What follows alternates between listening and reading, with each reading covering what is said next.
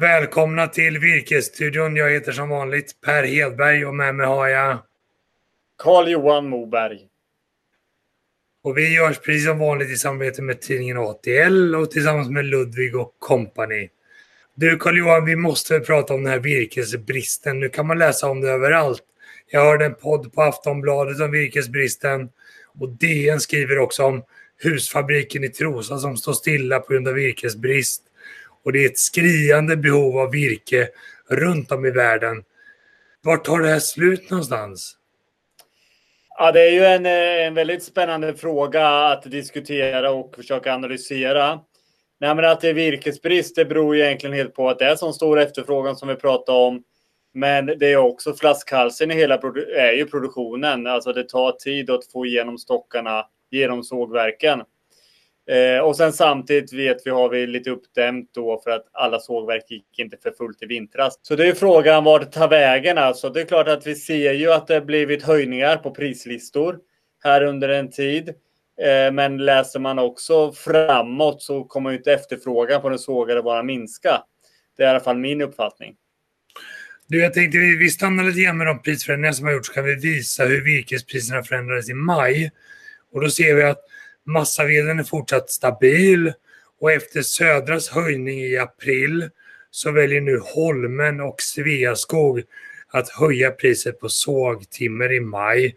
Och det är det vi ser som gröna områden i kartan i norra Sverige men också nere i Småland och i Östergötland. Så att det här fortsätter en trend vi har sett ända sedan förra sommaren med stigande sågtimmerpriser i kölvattnet av den byggboom vi just nu upplever.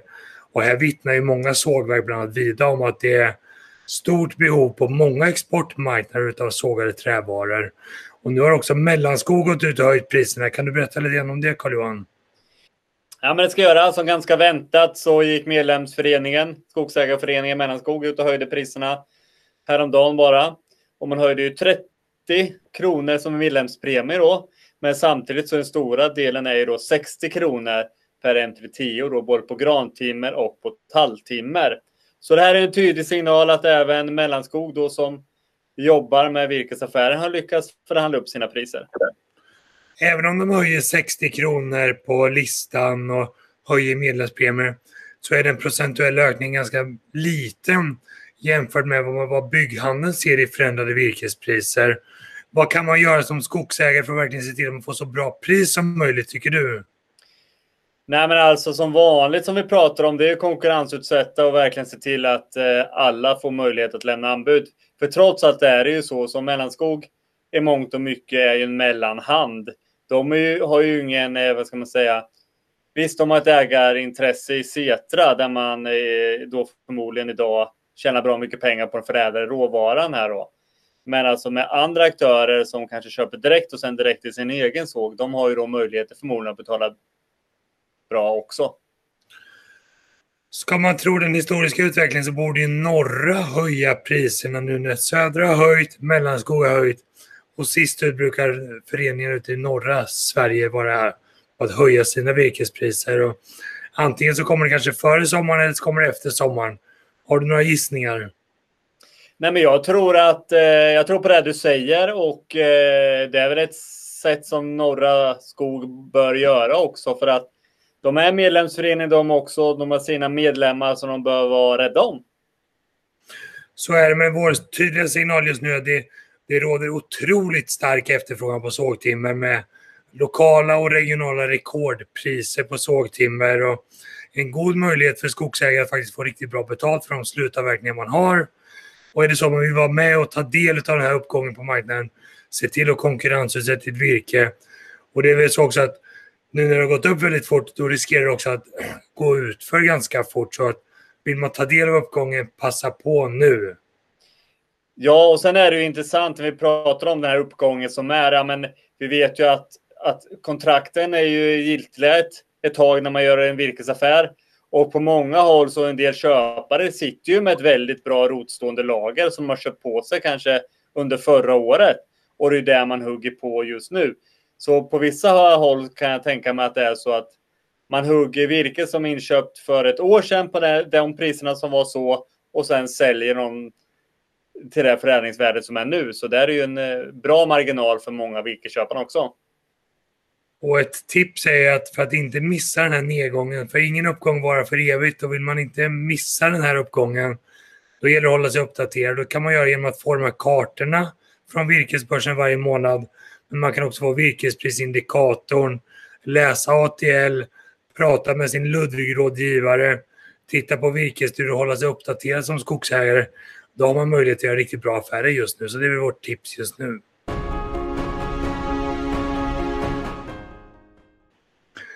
Du Carl-Johan, vi byter ämne lite grann. Det har hänt en del kring jakten. Kan du hjälpa oss att reda ut det här? Ja, men det har det. Och jag är ju inte absolut rätt person att eh, reda ut allt kring det här. För det är lite förändringar i jakttider och sådana saker. Så jag tog helt enkelt att koppla upp oss, eller koppla upp mig mot Viktor Ånestam på Ludvika Company. Så jag tycker vi låter honom eh, prata lite vidare om det här. Välkommen Viktor till Virkesstudion. Du kan väl berätta lite om eh, dig och vad du arbetar med på Ludvig Company. Tack så mycket Carl-Johan. Eh, jag heter som sagt Viktor Ånestam och jag är fastighetsmäklare och affärsrådgivare på Ludvig Company. Där en del av mitt jobb är att vara eh, lite viltrådgivare. Men det är en del av min expertis som jag jobbar med på daglig basis. Så att säga. Precis, och vi gjorde, var ju faktiskt ute och träffade dig här under hösten 2020 där vi pratade om viltbetning. Men det ska vi inte prata om idag, utan nu ska vi prata om, du ska berätta lite om de här förändrade jakttider som har kommit. Det tror jag många kan vara intresserade av. Kan du berätta lite kort om det, vad det innebär? Yes, eh, för några veckor sedan så kom då ett eh, nytt eh, regeringsbeslut på nya jakttider som ska införas från den 1 juli i år som kommer att eh, innebära en del skillnader mot tidigare. Eh, när och var och hur vi får jaga olika viltslag. Eh, och man kan säga att det, det, är vissa skillnader och sen så är det en del grejer som, som är som det tidigare har varit. Men eh, det som de flesta nog tänker på när de ser det här nya och det som skiljer stort, det är just hur, hur älgjakten kommer ligga. Från att ha varit första måndagen i september eh, uppe i norra delen av landet, eh, så att det har varit varierande på datumet när det börjar, så är det nu ett fast datum. Så det är första september varje år som älgjakten börjar uppe i norra Sverige. Och likaså i södra Sverige har det tidigare varit andra måndagen i oktober som har varit startdatumet för älgjakten. Men nu blir det ett fast datum den 8 oktober varje år kommer älgjakten starta i södra Sverige. Så det är den skillnaden som jag tror att flest kommer att drabbas av som jagar i och med att älgjakten är den som, som är den mest populära jaktformen i Sverige. Har det blivit någon förändring gällande kron och dovviltet? Ja, eh, det har blivit lite skillnader där. Eh, man har harmoniserat jakten på handjur på kronhjort med eh, starttiden på älgjakten i södra Sverige. Så den kommer också börja 8 oktober, jakten på, på handjuren på kronhjort. Sen har det blivit lite förändringar i jakten på dåvilt också. hind och kalv kommer få jagas hela mars ut i hela Sverige. Så det är en ganska stor skillnad. Från att det varit sista februari så får man nu jaga hind och kalv i mars ut också.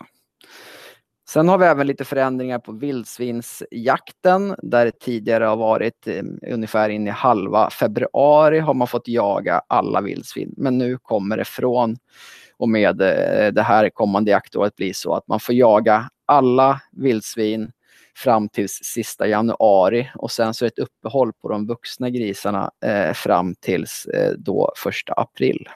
Och det gäller både hund och eh, vakjakt på, på vildsvin? Ja, precis. Eh, man får jaga alla djur fram tills att hundjakten tar slut den 31 januari och sen så blir det ett uppehåll på vuxna djur efter det. Eh, men såklart så finns det fortfarande en skyddsjaktsbestämmelse som gör att om, om de vuxna djuren orsakar skada i yrkesmässig odling och så vidare så får man fortfarande jaga vuxna djur under hela perioden. Men vanlig jakt, exempelvis åteljakt, då är det, då är det bara årsgrisar man får jaga från 1 februari fram till eh, 1 april. Just det. Sen är det ju viss förändring också vad gäller råbocksjakten. Va? På vissa håll i Sverige och i Danmark har det varit vårbock på, eller vårjakt på bock, men nu är det hela Sverige. Stämmer det?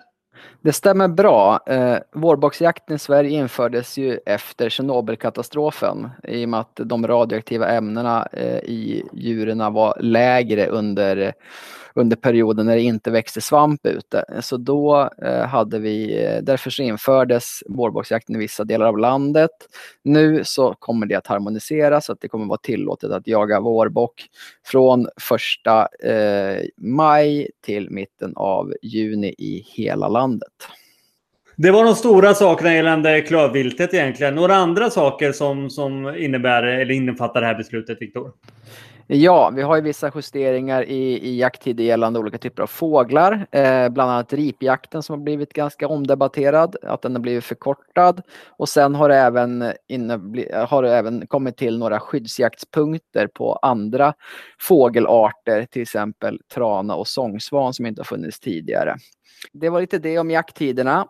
Har ni några fler frågor gällande detta så är ni jättevälkomna att kontakta oss på Ludvig Company så kan vi svara på flera frågor. Eh, det är vi rådgivare jättevilliga att göra om det är så att ni är intresserade. Så kontakta gärna mig eller någon av mina kollegor på kontoren runt om i Sverige. Ja, det var väl det Carl-Johan. Tack snälla Viktor för det. Här har vi fått nya datum så här gäller det att hålla sig uppdaterad och för den autistiska jägaren så kan ju det här verkligen ställa till, eller hur Carl-Johan? Ja, men det är det ju. Men alltså många har det. Det är ju lite heligt eh, datum eller dag, den här andra måndagen i eh, oktober för älgjakten i södra Sverige. Nu får man tänka om lite där. Samtidigt kan man ju tycka att det alltid är lätt att man vet vilket datum man ska boka upp. En liten Göteborgsövergång. I början på september går startskottet för Mittja och där ska vi vara med också. Och är det så att man vill träffa oss då ska man komma till Ljusdal, till Mittja som börjar i början på september. Och du har träffat dem som arrangerar Mittja.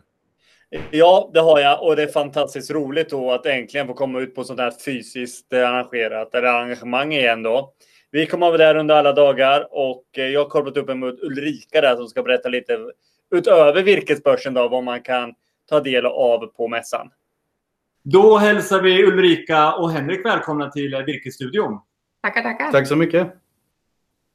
Då är det snart dags för Mittja Gård och Skog. När äger detta arrangemang rum? Ja, planen är ju 3 till 4 september. Fredag, lördag, 3, 4 september. Men eh, om det är så att vi tvingas ha kvar eh, restriktioner på maxantal 600 besökare per dag då kommer vi att utöka mässan även till söndagen den 5 september. Men vi tycker förutsättningarna ser goda ut för att restriktionerna har släppt i september så att vi hoppas på tredje till fjärde snarare än tredje till femte. Men vi får se. Ja, men det låter ju fantastiskt. Jag tror verkligen att eh, många vill träffas där ute, speciellt på en skogsmässa. Vad kan vi se fram emot på årets mässa? Ja, men det är en bra mix av utställare med både produkter och tjänster. Allt ifrån stora till små skogsmaskiner till livsmedelsförädling. Och sen ser vi ju förstås väldigt mycket fram emot att få träffa det svenska landslaget i Steel Timbersport med Ferry Svan i spetsen. Och sen de andra arrangemangen då på mässområdet. Vi kan ju inte på något sätt och vis frångå att det varit en pandemi. Eh, det, det, det, är ju verkligheten för oss. Hur har det påverkat då både intresse då för utställare och för besökare? Vi har ju flyttat mässan faktiskt eh, vid två tillfällen. Eh, först från 2020, augusti 2020 till juni 2021, men som vi också var tvungna nu då att släppa och flytta fram till september 2021. Men väldigt eh, fåtal utställare som har backat ur och eh, det är vi jätteglada för. Så att eh, eh, även så ser man ju på övriga delar av samhället så fort det blir ett evenemang av något slag så är det ju väldigt mycket folk som ansluter. Eh, så att eh, vi hoppas ju att eh, vi kan göra mässan utan någon begränsning på folk och att det kommer väldigt mycket människor eh, även i normala förhållanden så är det inte trängsel på vårt mässområde. Vi har ett så stort mässområde så att det blir ingen trängsel ändå.